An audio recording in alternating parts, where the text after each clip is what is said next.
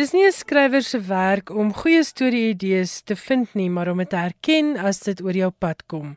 So sê Stephen King, topverkoperskrywer en ook iemand wat gereken word as een van die kenners van die moderne skryfkuns. Hy het ook 'n boek geskryf oor skryfkuns. Goeienaand, hartlik welkom by Skrywers en Boeke. Ek hoop jy geniet vanaand se program.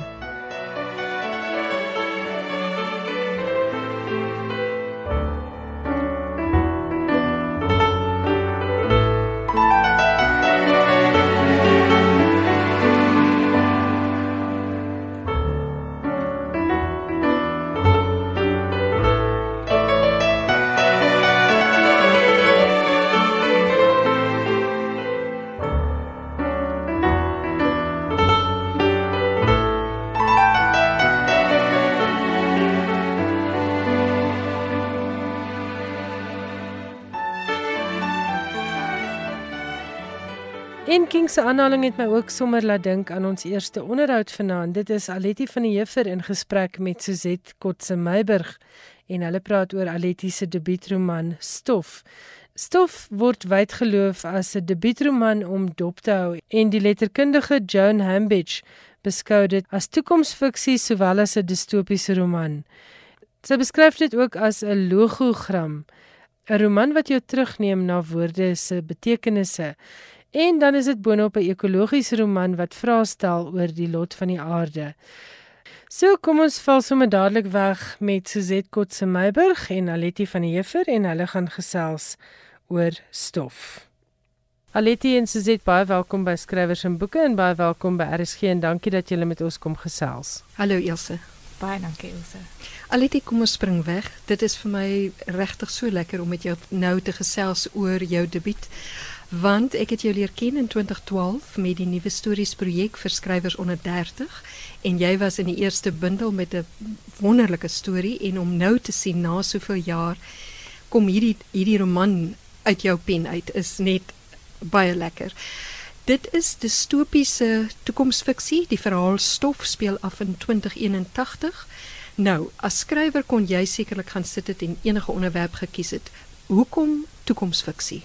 Toe ek my MA in kreatiewe skryfwerk gedoen het, het ek vir my akademiese opstel baie navorsing gedoen oor distopiese fiksie omdat ek met Lauren Beke se werk gewerk het.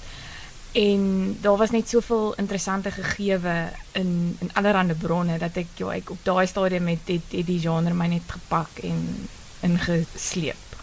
Maar dit is tog sekerlik moeiliker as om 'n eie tydse verhaal te skryf want jy skep 'n wêreld 60 jaar weg van waar ons nou is en jy moet sorg dat dit so anders is as nou en tog moet dit vir die leser herkenbaar wees. Het jy baie gesukkel? My eerste projek wat ek aangepak het vir die M was 'n verhaal wat in die nou afspeel en ek kon dit nie van die grond af kry nie. En ek dink met die toekomsfiksie omdat dit ja, dit is so vreemd, jy moet jouself daarin dink en inleef en die storie pak jou so beet dat ek dink dit was vir my eintlik makliker maar ja, dit het sy uitdagings en in daai opsig het my studieleiers my baie gehelp om nog verder te werk aan die vreemdheid, maar ook dan nou die bekendheid, dit waarmee die leser sou kon assosieer.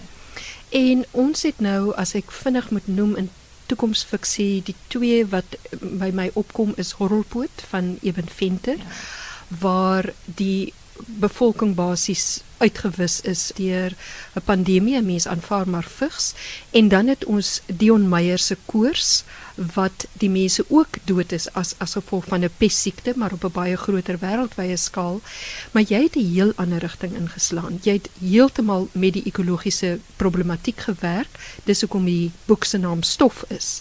Maar die naam van die boek kon net sowel Saad gewees het want dit gaan oor die voedselproduksie, genetiese modifisering van saad ensovoorts ensovoorts. Baie ingewikkelde intrige wat jy uitwerk om by hierdie onderwerp van jou uit te kom, die stof en die saad, het jy baie gaan oplees oor wat die toekomsprojeksies is as ons kyk waar ons nou is. Ja, ek het baie navorsing gedoen oor toekomsprojeksies en in my navorsing oor allerlei omgewingskwessies het ek byvoorbeeld afgekom op artikels oor 'n uh, konioloog of 'n stofkundige en toe wou ek net so graag iemand 'n uh, karakter skep wat 'n konioloog is omdat ek uit die Noord-Kaap kom waar ons met die stof en die die klippe so ja, so 'n diepe verbondenheid het. So beide die toekomsprojeksies en my ander navorsing het het my op hierdie pad van die ekologiese storie gelei.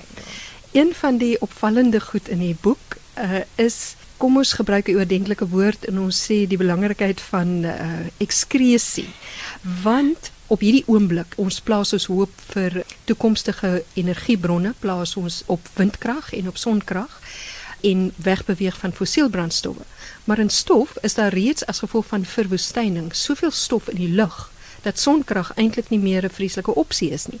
So wat gebruik hierdie eh, samelewing nou? Biogas. En die biogas kry hulle uit menslike ekskreta om nou maar die oordentlike woord te gebruik. Wou jy 'n punt maak dat die mensdom in terme van waar ons nou staan met ons omgewing eintlik nek diep in die riool staan? Ja, ek dink ek dink tog dit is een van die punte wat ek wat ek wou maak. En ek dink net op die stadium wat ek begin dink het oor die storie was die hele politiek die in Suid-Afrika rondom die die toilette. Ja. Hulle het vir mense toilette gegee, maar daar was nie um hokkies daar rondom nie en toe was ons allerhande Ja, die toilet so, uh, het, die riool wat uitgegooi is by die lughawe ja, en al daai goed. So ek het baie gedink oor net oor hoe ons dink oor ons uitlaat en hoe ons dit koppel aan ons status en aan ons lewenskwaliteit. Ja, so daar was 'n klomp dinge wat ingespeel het op op hoekom dit vir my belangrik was om om dit te gebruik. Van dit sorg ook op 'n nogal effens skree manier sorg dit vir baie van die humor in die boek. Ek het baie lekker aan die boek gelees. Ek het baie gegrinnik. Ek het 'n paar keer regtig lekker gelag want daar's so 'n wrang humor wat wat die hele tyd deurspeel. En wat maak dat die lees van die boek uh, dis distopiese toekomsfiksie so dit is nou nie 'n uh, rooskleurige wêreld nie, maar daar's vir my geweldig hoeveelheid vitaliteit nog steeds in hierdie gemeenskappe ingebou en uh, daai oorlewingsdrang in mense en 'n sekere oorlewingskrag wat baie naby ook aan kreatiwiteit lê met 'n karakter soos Georgie. Beskryf 'n bietjie die karakter Georgie. Hy was een van my gunstelinge. Ja, Georgie het ek dink ek het hom nodig gehad om self deur van die swaar dinge in die in die boek te werk en Georgie is in 'n groot mate alles wat ek nie is nie.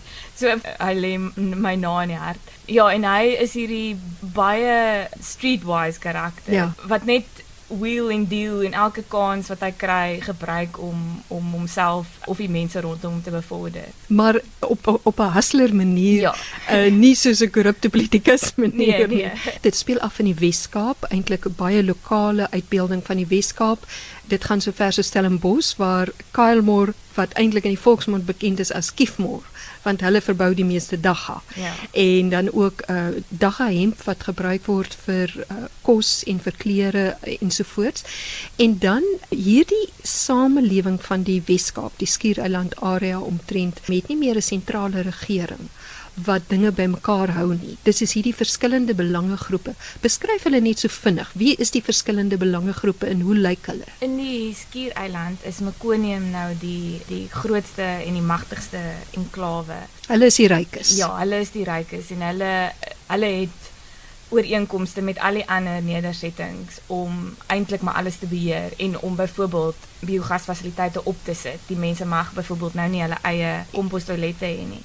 En dan is daar naby Meconium is daar close enough waar eintlik 'n baie groot diversiteit van mense bymekaar kom en harde kraal waar die mense nou wat mense meer sou sê die tree huggers waar hulle saam woon. Ja, dis dit is die belangrikste groepe. Belangegroepe. Ja.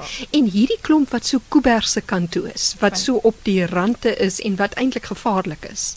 Ja, dan is daar nou die soos half die bendes wat op op verskillende hoë weë na die skiereiland hulle self posisioneer en wat maak dat dit gevaarlik is om om sonder 'n groep te beweeg. En dan nou by by die Kuibergstasie bly die Kuiberg Guardians wat moet sorg dat al die kernafval van die jare veilig bewaar bly. Dit klink vir my of jy vreeslik baie pret gehad het ook met die skryf van die boek Aletti. Vertel vir ons 'n bietjie van die name want die name is vir my nogal treffend. Dit speel 'n bietjie in op van die karakters in die boek en van die temas. Hoe het jy op die name besluit? Die hoofkarakter is Ampersand. Sy is hierdie skakel karakter in hierdie tyd waarin sy leef omdat sy hierdie saad moet bewaar. So dit is die een van Ampersand.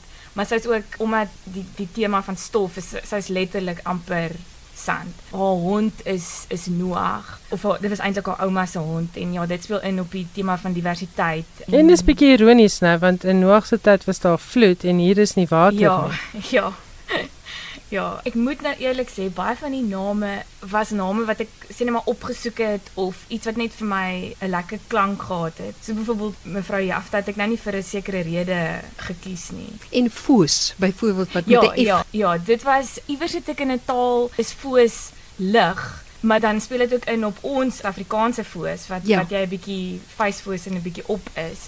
Ja, maar ek kan nou nie meer presies onthou wat, wat daai verwysing was nie, maar dit was lig in een of ander Ja, wat Taal. met seker met fosfor en fluor daai Ja, eh, lyn van woorde te daarmee, doen ja. het. Jy is uh, jou hele loopbaan al 'n taalonderwyser. Jy's besig met jou doktorsgraad in Afrikaans op hierdie stadium so jy werk op 'n dag tot dag basis vir 'n hele klompie jare al met taal, met Afrikaans. En die manier hoe jy die taal aangepas het is vir my fantasties. Dis uit my herinner aan die boek Cloud Atlas waar eh, om wat omtrent in vyf tydvakke afspeel van dit begin in die 1700s en dan eindigend in ver in die toekoms. En jy sien hoe die Engelse taal in uh, Cloud Atlas verander en die spelling verander en uitspraak, die manier hoe jy uitspraak weergee. Ek het dit ontsaglik kreatief gevind en dit lekker gevind. Byvoorbeeld 'n woord screen wat ons nou ken is skren met 'n met 'n S K R E N gespel. Uh Georgie byvoorbeeld die manier hoe hy uh, sy Afrikaanse uitspraak van Engelse woorde soos condescending charity en die manier hoe dit met C gespel word uh, maar C O N T. Hoe het jy dit gaan sit en uitwerk? daarmee was dit ook dink ek baie nuttig om mense te hê wat 'n mens lei want dit is baie lekker en meeste daarvan kom maklik maar mens moet dit gedissiplineerd sit en doen veral as jy later met verskillende karakters se verskillende tongvalle kan ek dit nou amper noem werk. So ja, ek ek het baie pret gehad, maar ek was gelukkig om beide by by die uitgewers en by my studieleiers baie leiding te kry in terme van um, wat nodig is om dit te kon maak werk. Ja. Ja. En jy het ook seker gekyk na woorde wat nou moeilik spel. Pasiënte byvoorbeeld. Jy spel dit eenvoudig pasiënte met 'n j. En hulle mense sien dit eintlik op Facebook gebeur. Jy sien hoe mense se spelling net eenvoudig fonologies raak en hulle nie meer weet Ja. hoe om 'n woord te spel op die korrekte manier nie. So al daai taalaspekte is 'n wonderlike aspek van jou boek want 'n mens kyk nie net na die storie nie, maar jy kyk ook na skryfstyl en dit het my baie baie beïndruk. Terug by die storie, wat ook opval is dat dit hierdie generasies is. Dis aan die een kant hierdie los karakters, amper san die hoofkarakter is 16, sy het by haar ouma groot geword, haar ouma is 6 maande gelede dood. Sy's maar nog 'n kind eintlik op haar eie. So sy's aan haarself oorgelaat, maar sy's ook deel van hierdie netwerk van mense. Maar dan is daar hierdie ouer karakters en dan nog haar ouma se se nog ouer karakters. Sy is eintlik 3 generasies wat meespeel. En die ouer karakters, mense soos Sias Arendse, Dick Jones, Marjo, mevrou Jafta, Jemima, uh hulle behoort tot 'n vroeër tyd en jy gee terugflitsse vanuit 2060 byvoorbeeld. En daar's so 'n klomp intriges rondom hierdie karakters. Wou jy iets sê oor die sondes van die vaders met die generasie? Dit was nie eksplisiet in my kop nie, maar ek dink as 'n mens dink oor hierdie omgewingskwessies, dan kan 'n mens nie help om anders as om te dink in terme van ons invloed op ons volgende geslagte en ja, so dit het dit speel tog 'n rol. Ja, en die amper wil ek sê die onregverdigheid daarvan Ja. dat die huidige geslag en hulle voorgangers het dit opgemors en ons hou aan op opmors en ons is nog nie by die draaipunt waar mense regtig ernstig begin maak met omgewingsbewaring nie en dit word alles agtergelaat aan die volgende geslagte en hulle gaan sit met die gemors. Ja. En dit is ook dan soos terug by al daai ekskrementebeelde. ja. Uh, jy het gesê jy het groot geword in Namakoland in Springbok en jy het gesê uh, al vroeër iets van daardie wêreld. Hoe het dit verder 'n rol gespeel in die boek? Vir my het die storie eintlik begin met um, die terugflits wat wat stof genoem word. Ek het dit as 'n kort verhaal geskryf. So 'n groot deel van waar die storie vir my begin het, was in daardie omgewing en dan ook die taalgebruik. Ek het nodig gehad om die ouer karakters wat dan nou ook die jonger karakters se taal beïnvloed daar te plaas want dit is die die tekstuur en die taal wat ek ken en waarvoor ek baie diep liefde het. So ja, dit dit dit het 'n baie groot invloed gehad op die op die taalgebruik. En ook uh, ek het die Namakolandse woorde herken met groot plesier, uitdrukkings, 'n uh, manier van praat, selfs 'n onsentimentele manier van reageer. Uh amper is bitterlik lief vir Noag die hond, maar sy sê sy spreek hom altyd net as kom hond aan. Ja. Uh daar's daar so 'n onsentimentaliteit daarin hierdie verhale waar ek dink waar jy die Namakolandse toonaard die meeste laat deurkom het was met hierdie saadverhale wat Bettina Meloy uh, amper sy ouma aan haar nagelaat het in hierdie boek en die boek is gesteel. Nou probeer amper die heeltyd die verhale onthou. Waar het jy daai stories gekry oor die verskillende plante?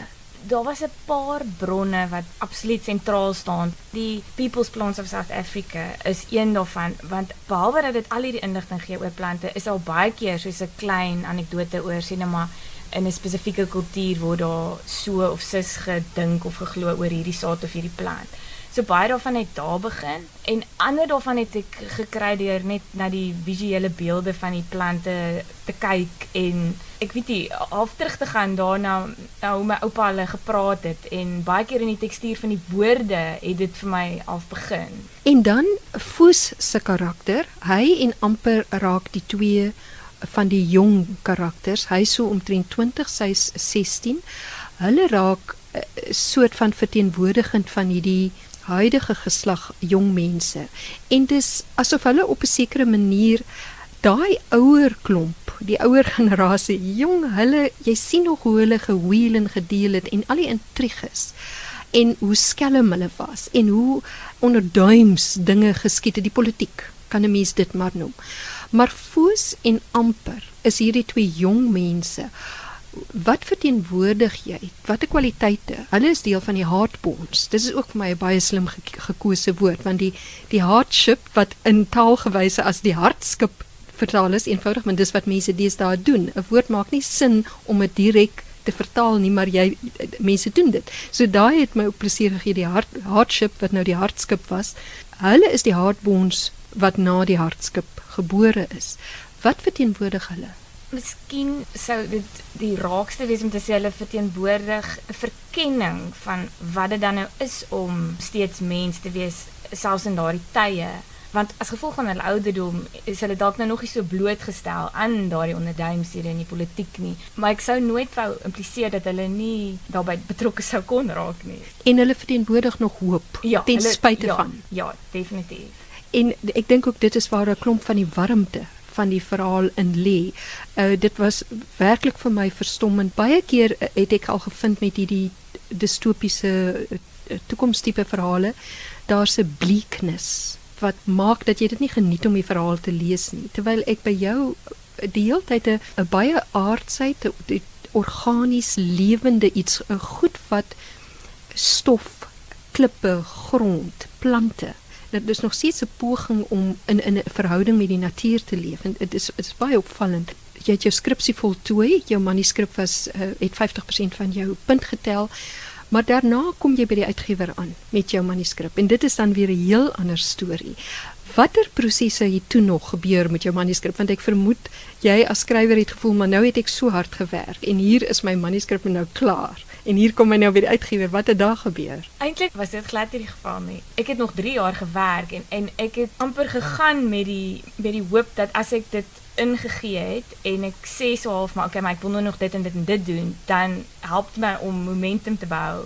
So daar was nog baie werk, maar ek ek het dit dan gelukkig besef oor tyd. So ek het nog 3 jaar na die tyd daaraan geskaaf en uitgebrei en want mense kom nie binne 'n dag en twee by 'n manuskrip van oor 100 000 woorde uit nie, nee. Ja. Wel, ek wens jou net die beste toe en ek hou my oë op daai nominasielyste vir die pryse vir hierdie boek van jou. Baie dankie Suzette en baie dankie Ilse. Dit was Suzette Kotse Meiburg wat in Kaapstad gesels het met Aletti van die Heever oor stof, haar debuutroman wat onlangs verskyn het by Kolerie. Een van die wonderlike dinge van boeke is dat dit jou neem na ander wêrelde en nie net altyd na toekomstige wêrelde soos wat ons nou gehoor het in die eerste helfte van vanaand se program met stof maar ook na wêrelde wat ons glad nie ken nie en dikwels terugneem na die verlede. En toe weer ook Kines se Huppelkind, 'n heruitgawe van daardie baie gewilde reeksboeke van ons kinderjare onlangs op my lesenaar beland. Toe kon ek nie help om terug te dink aan al die wonderlike ure wat ek as kind in biblioteke spandeer het nie. En ook aan al die onderwysers wat Afrikaans as 'n woord en 'n speeltaal en 'n storietaal vir my oopgebreek het. Huppelkind was baie van ons se eerste tree na die wonderwêreld van boeke en is gevolg deur reekse soos Trompie en Saartjie, Jasper, die uile, die Maasdorp reeks en al die ander wonderlike boeke van ons kinderdae. En om weer 'n Huppelkind boek vas te hou en om weer te kyk na Dorothy Hill se pragtige illustrasies, het daardie magiese eerste belewenis van boeke en die wonderwêreld van boeke weer in my gedagtes laat herleef. Wie kan die slaapkouse, die nuuskierige agies en die boekwurms vergeet wat moet help dat Storieman sy storie vertel in Wip Huppel Wip. 'n Vrolike huppelkind besoek Huppel saam met Fiefman die land van wol en hare en wanneer Huppel verjaar kry hy 'n regte koekoek in 'n klok. Wie ook Kene se huppelverhale is al in dieselfde asem genoem as Christopher Robin van AA Milne in die Britse kinderletterkunde. Wie ook Kene was die eerste ontvanger van die CP Hooggenau toekenning vir huppel vir jaar in 1960 en die kleurvolle komiese karakters en die vrolike huppel saam met Dorothy Hill se bekoorlike illustrasies gaan beslis kinders in 2018 se harte steel. Ek was nuuskierig oor wie ook kenne en het in ons argiewe gaan krap. En hier's net so kort eerbetoon aan wie ook kenne en Huppelkind. En in die stukkie hoorbeeld wat saamgestel is deur Andrei Blom in 1990, gaan jy die stemme hoor van onder meer Audrey Blinow, Dorothy Hill en ook kenne self. Lekker luister. En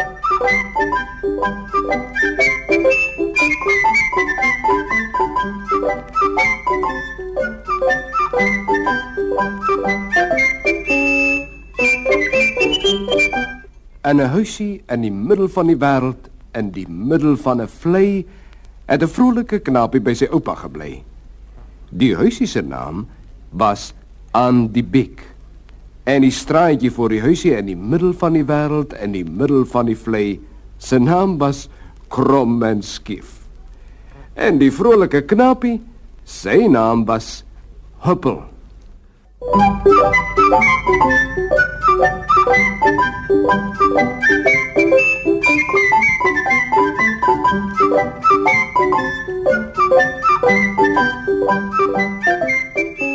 Die Lekkerlandse pad is 'n lang, lang pad. Dit weet julle almal al. Hy slinger deur die bosse en hy kronkel om die rande tot daar waar sy eind moet wees. En daar begin hy weer. Hy dwaal deur die vlei en hy boggel oor die bulte en op een plek raak hy weg. Maar onder die brambos begin hy weer en hy drentel al om en om die diep kuil vol soetwater wat nooit opdroog nie. Maar huppel draf die pad sommer gou-gou af. Hy trippel deur die grasies en hy huppel oor die plassies en die vleiwind jag hom aan. Reken hoe slim is die huppelkind.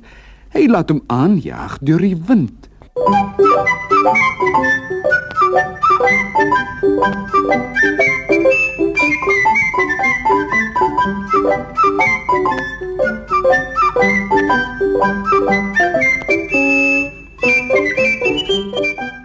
Ek wil baie graag my waardering betuig vir die Huppelboeke, die hele reeks Huppelboeke as kinderliteratuur in Afrikaans. Ek kan regtig uit my eie ondervinding praat. Ek het die boeke al ses afgeneem na ons strandhuis op Wannerskraas waar hulle op 'n spesiale rakkie gehou word. En wanneer die kinders dan kom in die somervakansie, dan lees ons saam die hupperboeke en ons lag en ons juig oor die hupperboeke. En selfs nou daarna, my kleinkinders is nou al groot, maar hulle lees nog soms die hupperboeke en dan die jonger kinders in die ander familie kom ook. En as ek maar weer sien dan lê daar 'n huppelboek wat die kinders lees. En ek meen daar's verskeie redes daarvoor. Een is seker daar is so 'n ritme en 'n fonkeling in die taal van die vertelling. Die mense of diere of ander wesens van wie daar vertel word, liewe. Hulle lewe soos werklike mense. Die plek waar al die gebeurtenisse plaasvind, word 'n plek wat 'n mens sien en naderhand regtig ken, soos jy jou eie tuiste ken. En terwyl 'n mens die storie hoor of lees, is dit asof al die dinge met jou ook gebeur. Net soos Huppel Voel jy ook alleen? Jy verlang ook na maats. Jy word ook bang of bly of opgewonde. Jy kan net soos huppel wonderlike avonture beleef en net so lekker ander kant uitkom en ek dink die kinders hou vreeslik baie daarvan. So sê die skryfster en boekekenner Audrey Blino van die werk van W.O. Kuhne wat op 7 Junie 1924 in die Middellande van Graaf Renet in die Oos-Karoo gebore is en in Tamboerstoof Kaapstad oorlede is. Hy kon liries raak oor die wêreld van sy jeug. Wanneer ek Gia Watermeyer se gedig lees van die kanarie wat die sonlig in sy keel gorrel, is ek terug op Graaf Renet. Jy weet, die beeld wat my bybly van daardie ou vallei dorp in die omhelsing van die Sondagsrivier onder die hoë berge is altyd van olyfgroen hange en alwyn en goue granaatbos leegtes en dan nou altyd diep blou en die goud van die sonskyn hemel bo oor jou. En eers daar bo in die blou die getwiet van onsigbare swalietjies wat muggies jag. En dan nou so bietjie nader die gekweel van Kaapse kanaries in tuine waarin altyd blomme is. Jy weet Gert Marits en Andrius Pretorius en elke ander grafrenetter van vorige eeue moet Watermeyer se kanarie gehoor het waar hulle in en om die rustige dorp met sy karoo-styl huise en sy leifore en sy wingerde en boorde gewoning gewerk het. En dis op hierdie rustige dorp Graafrenet in die Oos-Karoo waar wie ook kenne sy matriek behaal en ook aan die plaaslike opleidingskollege 'n primêre onderwyskursus volg. In 1944 voltooi 'n liggaamlike opvoedingskursus aan die Parelse Opleidingskollege en word onderwyser in Kaapstad. Eers by die Laerskool Vredehoek en toe by Cape Town High. In Maart 1949 sluit hy by die redaksie van Die Burger aan. Sedert 1954 het hy in die redaksies van Die Huisgenoot en ook Sari Maree gedien. In April 1960 word hy assistent-redakteur van die destydse Jongspan. In 1948 het hy reeds begin skryf en in 1951 tree hy in huwelik met mevrou Dorothy Hill, voorheen redaksiekunstenares van die Nasionale Pers en bekende illustreerder van kinderboeke en tydskrifverhale vir kleintjies. In hierdie tyd uh, het hy gevind daar is 'n baie groot tekort aan geskikte stories vir uh, Engelssprekende kinders. Toe moes hy nou noodgedwonge sy eie goed begin produseer. En dit was eintlik die kern van die Hubbelboeke. Die dele oor Hakensteek en Viefman en Diefman het oorspronklik verskyn as stories op hulle eie in die destydse Kleinburger. Daar lê 'n sterk gesinsverband wat die karakter Hubbelkind betref. Die eerste Hubbelboekie was natuurlik in die begin apart uitgekom. Dit was in 1958 toe het ek ons oudste seun gebruik as model daarvoor. En uh, dit was eers in 1982 wat uh, die versamelde uitgawe uitgekom het. En natuurlik 'n tweede druk in 1988. En die boeke was van die begin af baie gewild en ek dink was net die regte ding op die regte tyd. Hy het die CP Hoogenout goue medalje wat deur die biblioteekvereniging uitgereik het, het hy gewen in 1960 Hy was die eerste wat die medalje gewen het. Dit was vir die beste Afrikaanse kinderboek van die jaar en en deses was dit vir die 6ste in die reeksie Huppel vir jaar. Huppel en sy oupa, Lekkerland en sy mensies is 'n skepping van suiwer fantasie. Dwars deur die ses huppelboeke word die fantasie fyn volgehou. Dis vir my 'n groot verdienste van die boek. Die verbeeldingswêreld bly volkome waar. Die diep kuil vol soet water wat nooit opdroog nie. En die slaapkouse in die hoogste bome. En die boekwurms wat saans met slapenstyd hul boeke oor hul oë vou. En natuurlik die nuuskierige agies wat nooit ophou met vrae vra nie.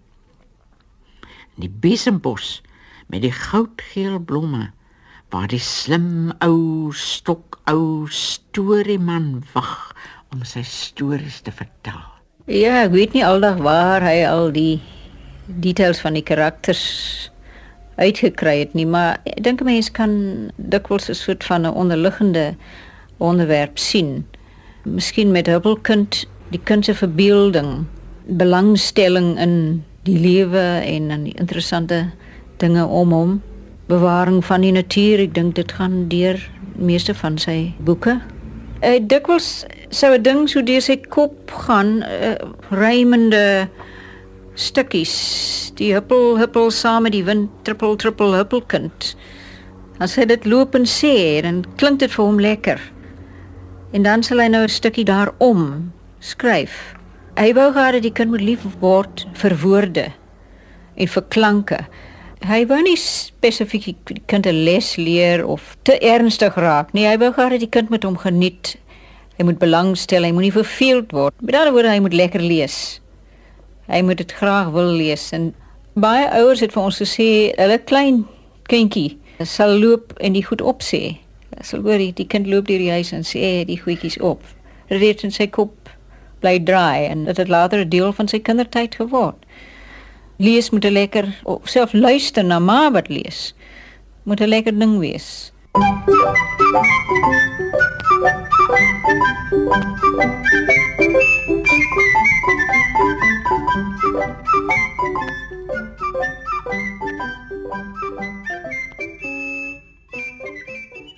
En daar sê Dorothy Hill, wie ook ken as 'n vrou, presies wat ons altyd in hierdie program sê.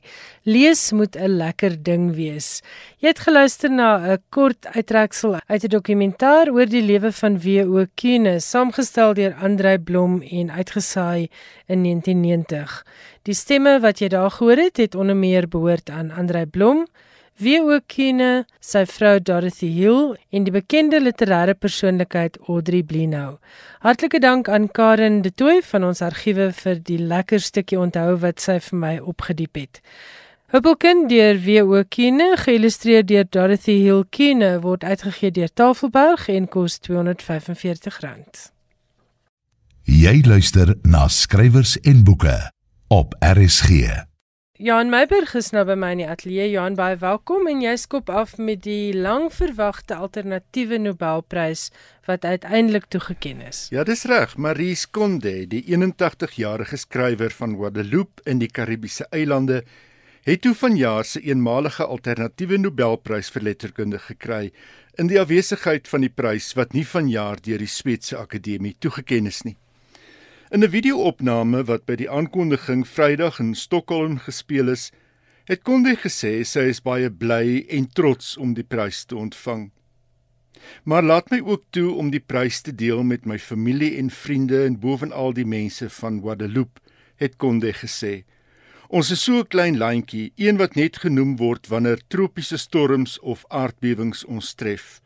Nou is ons verheug om erkenning te kry vir iets anders.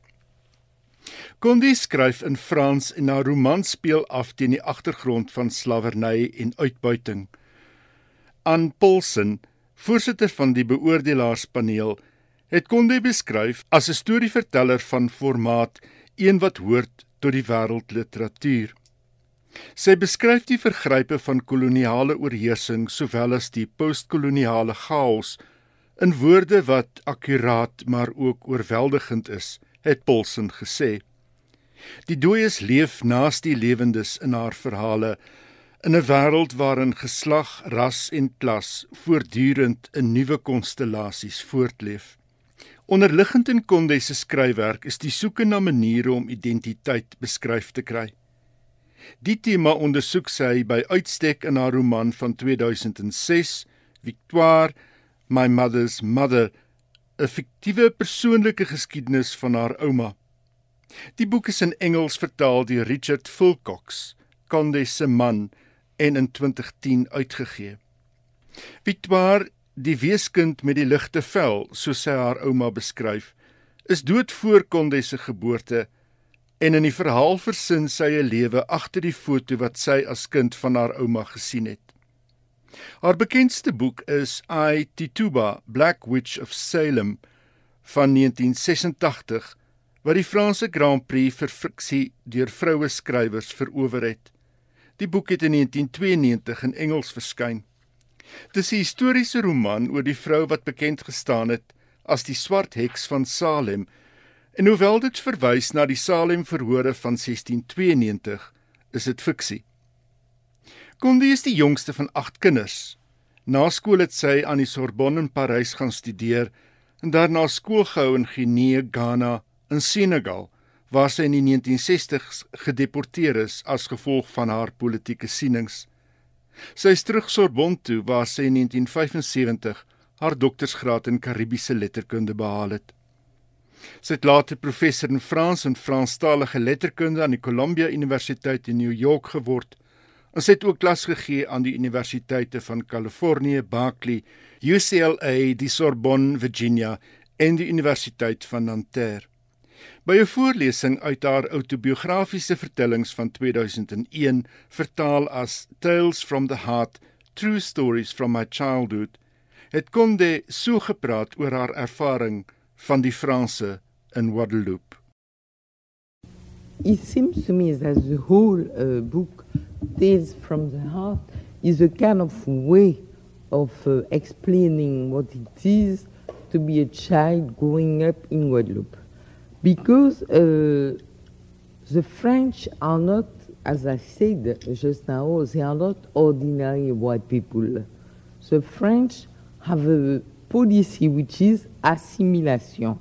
So they make you believe that if you are good, if you are well behaved, if you study well in class, you can become exactly like us, like them. But of course, it is not true at all. So you spend your time trying to imitate them, but at the last minute, they never entirely accept you. So you see, you are always dreaming about something that you will never get. The desire to become a French person is a, is a myth. You will never. At the last minute, the French will find something which is wrong with you and they will let you down. But anyway, you are living in the belief that maybe one day they will accept you. So for a child, it is something very, very challenging. Of course, when you get to a certain age, you understand full well that uh, after all, why do you try to imitate the French? Let them be. But I mean, before you come to that kind of sagesse, years pass uh, by.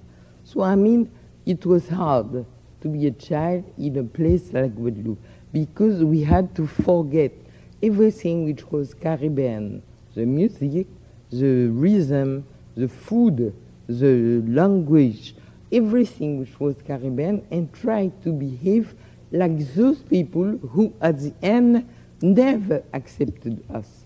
So it was a kind of trauma and it seems to me that uh, up to now, I'm still suffering from that trauma. Not uh, severely, but anyway, it is still there. Dit was die stem van Marie Skonde en dit was tydens 'n bespreking van haar biografie Tales of Tales from the Heart: True Stories from My Childhood. Goed, Johan, wat's volgende? Stefan Hertmans, die Vlaamse skrywer van onder meer Oorlog in Terpentyn, die roman wat deur Daniel Hugo in Afrikaans vertaal is en in 2016 deur Protea uitgegee is, is benoem vir die Franse Femina Étranger Prys. Dit is vir die Franse vertaling van sy jongste roman wat eers in Nederlands verskyn het as De Bekeerlinge dat Hertmans nou benoem is. Hertmans volg die spoor in die roman van 'n vername jong vrou in die 11de eeu wat verlief raak op 'n Joodse man en om te sorg vir intrige is die vrou dan 'n Christen. Die Femina Étrangère Prys het in 1985 tot stand gekom en is in prysgeld een van die grootste Franse literêre pryse. Daarby het toonaangewende skrywers reeds die prys verower, skrywers soos James Coetzee in 1985 vir Life and Times of Michael Kay en ook later Amos Oz, David Malouf, Julian Barnes, Ian McEwan en Joyce Carol Oates. Vanjaar kom 14 Franse boeke en 14 boeke van skrywers buite Frankryk in aanmerking vir die prys. Die wenner word op 5 November aangekondig. Hertman se Oorlog in Terpentyn wat in 2013 in Nederlands verskyn het en ook in Engels vertaal is, het etlike literêre pryse ingeoes. En die New York Times het dit in 2016 ingesluit in sy lys van 10 beste boeke van die jaar. En dan het jy vir ons iets oor die Man Booker prys. Ja, die Man Booker se wenner is pas bekend gemaak, maar volgende week dan meer oor die wenner van die prys. Maar die wenner van die 2018 Not the Booker prys is intussen bekend gemaak en die wenner is Rebecca Lay se Sweet Fruit Sour Land. Die Not the Booker prys is die prys waarmee die dagblad The Guardian vorendag gekom het om die leserspubliek die geleentheid te gee om 'n sê te hê in die samestelling van 'n lys titels wat hulle graag sou wou bekroon en om uiteindelik ook inspraak te hê in die wenner wat aangewys word. Die publiek se keuse was Ariel Khan se Raising Sparks met Lay se Sweet Fruit Sourland in die 4de plek. Hoewel Khan 2 punte op die manier verdien het, het die drie beoordelaars nie die publiek se opwinding gedeel nie en lê as wenner aangewys. Lei se boek is geplaas in 'n Brittanje wat lam gelê is deur hongersnood en 'n tekort het aan bestaansmiddels.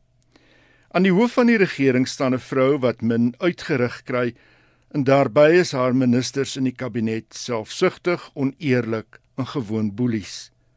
Matilde, 'n kleremaker en een van die twee vertellers in die boek, ontmoet so minister George 'n vriendskap ontstaan en sy hou vas neem mettertyd op haar toe.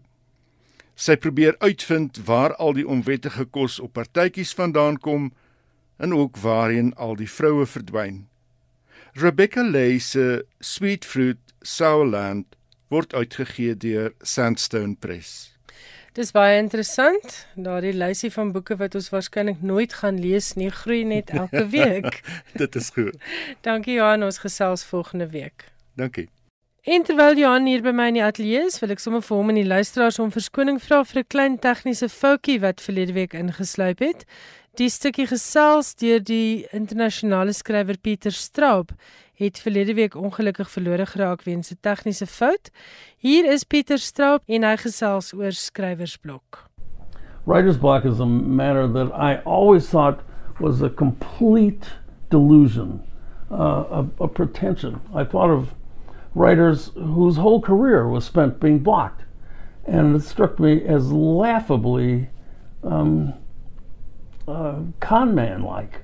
Uh, you know, there was a writer named Bowden Broadwater who was married to Mary McCarthy once, and everybody felt sorry for Bowden. Uh, he was a handsome, well-off guy, but he was a blocked writer. So he just he sat there and he looked at a piece of paper um, for years. I, I, thought that was um, a really splendid uh, bit of flim flammery.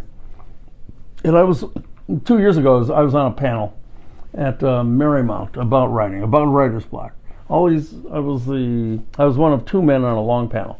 Um, the women and the first man went down the line discussing how they did knitting or they went shopping or they did one thing after another while while they suffered writer's block and I sat there getting grumpier and grumpier.